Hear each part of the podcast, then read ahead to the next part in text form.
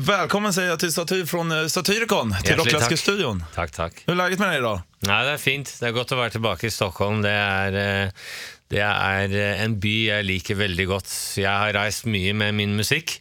Um, og noen, eh, noen steder liker jeg å komme tilbake til, andre ikke så mye.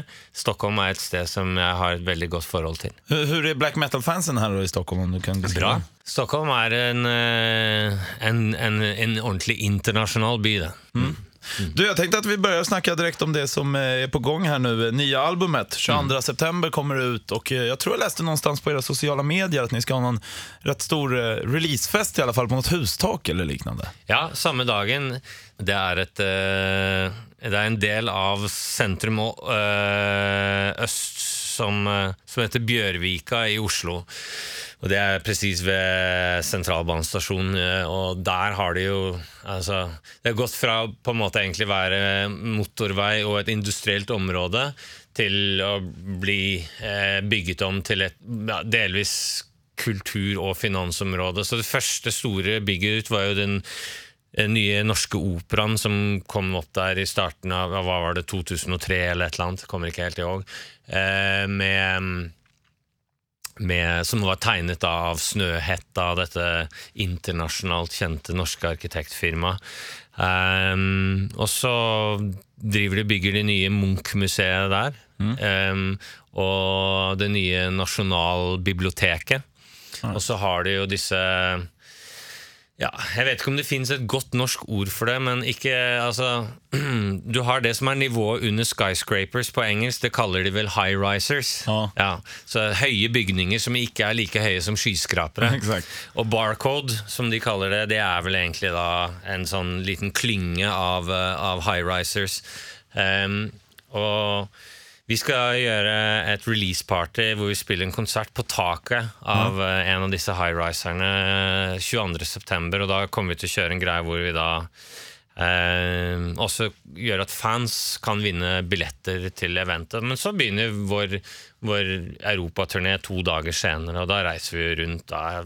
Vi starter vel i i Hamburg eh, 24.9. og avslutter i Stockholm 21.10, vel. Precis, 20 Ja. i Göteborg, 21 i Stockholm. Ja, så det. Mm. Ja, det stämmer. Du, eh, jag tänker på det här, når vi måste prata, hur har det här arbetet med nya plattan varit? Nionde studioalbumet nu, eh, Deep Calleth Upon Deep.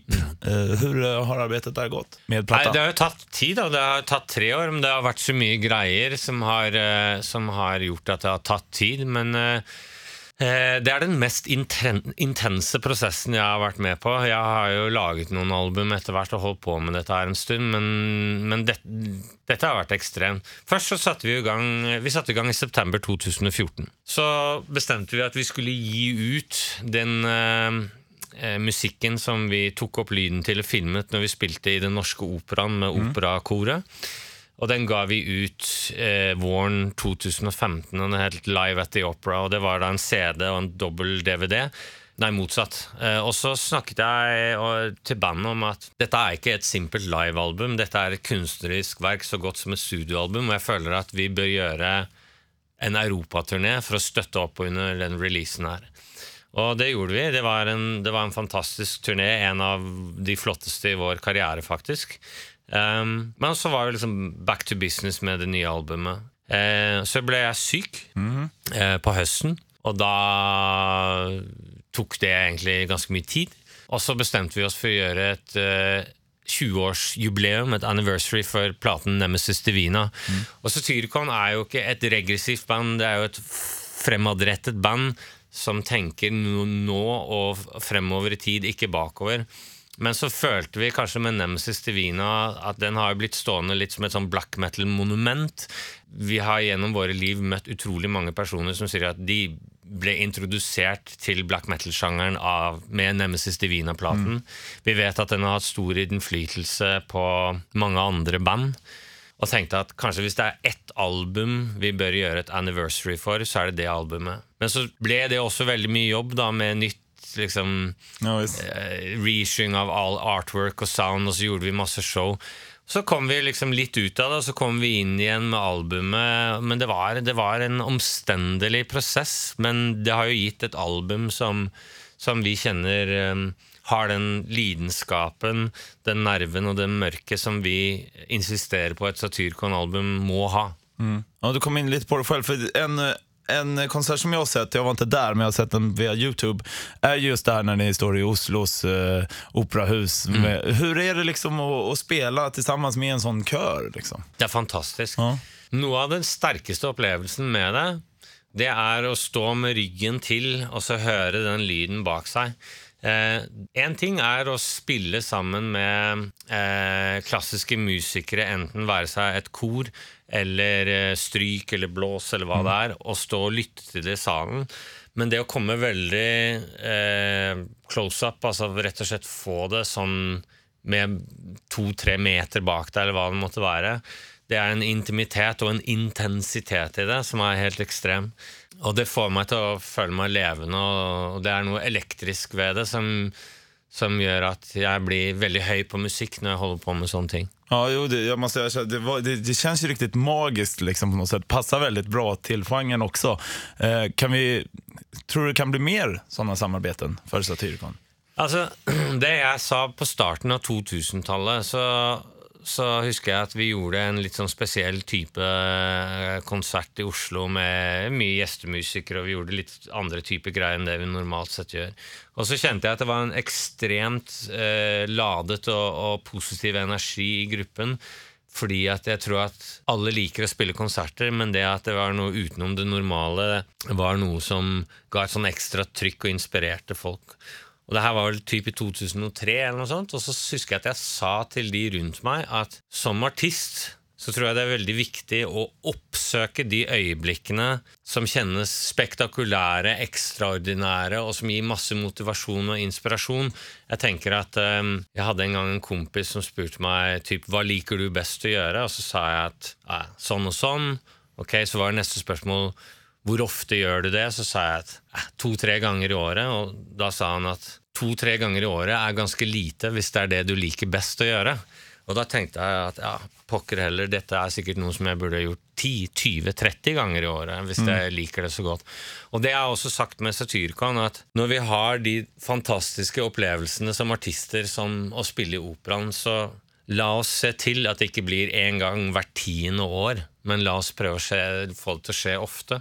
Og det var jo litt grann det jeg sa eh, inn mot det albumet her, at jeg sa at eh, for meg så er det viktig å gjøre noe i tillegg til å spille de eh, ordinære konsertene. Og da var jo eh, Ja, for de som, som kjenner liksom populærmusikkhistorie, så har det jo eh, Det var en sånn rimelig legendarisk event når The Beatles spilte på topp av Apple-bygningen i London i 1969. Konserten ble stoppet av eh, politiet, og det ble jo utrolig nok den siste gangen The Beatles spilte sammen som et band også.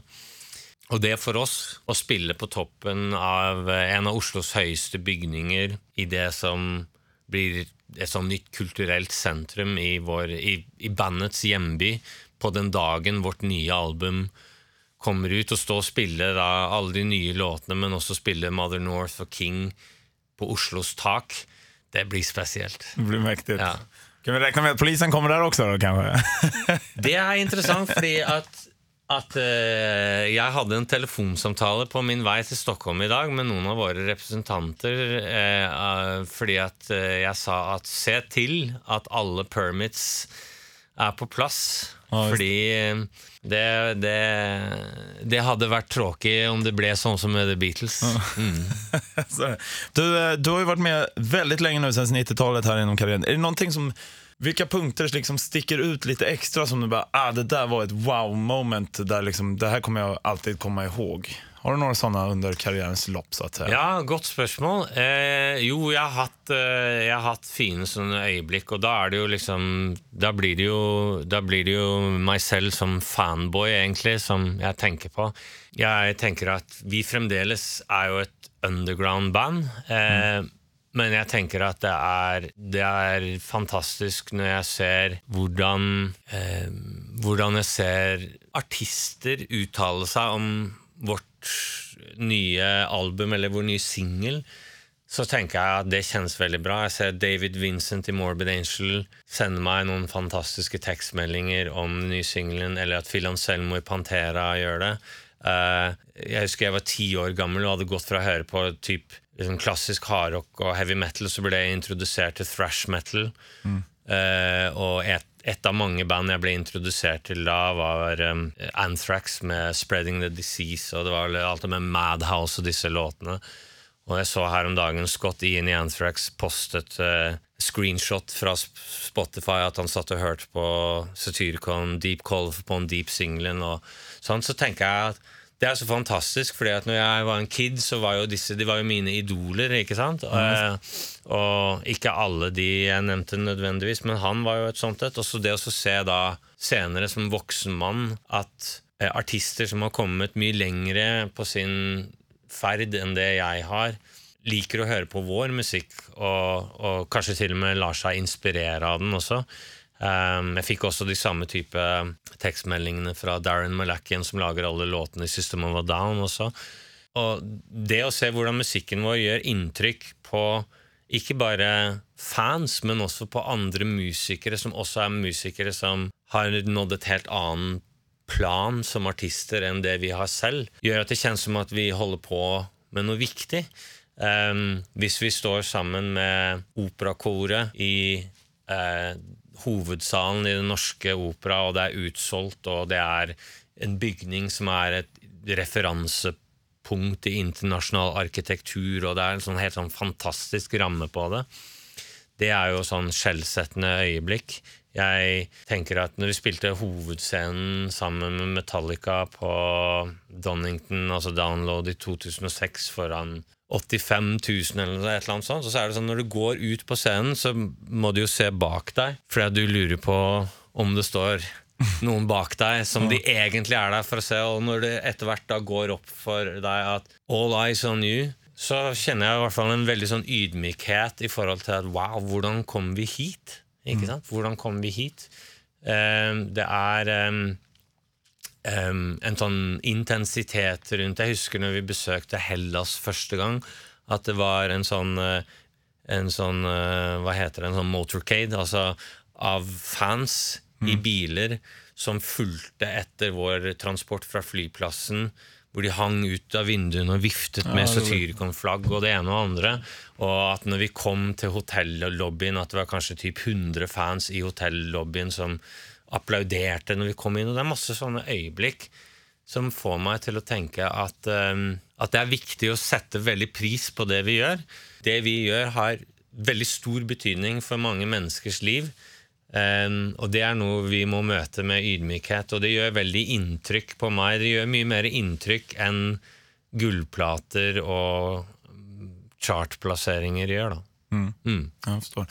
Du, nå ber er ut på Europaturné som sagt. Er det noe som du, når du åker ut på turné, virkelig måtte ha med deg, som du ikke klarer uten? Ja, det er jo det. Um, men det er ikke sånn, sånn, som det var før. For før så, så, så, følte jeg at jeg uh, Altså sånn, Jeg måtte ha spesielle puter fordi jeg fikk så vondt i nakken og ikke klarte å sove hvis jeg ikke hadde sånn spesialpute og det ene og andre.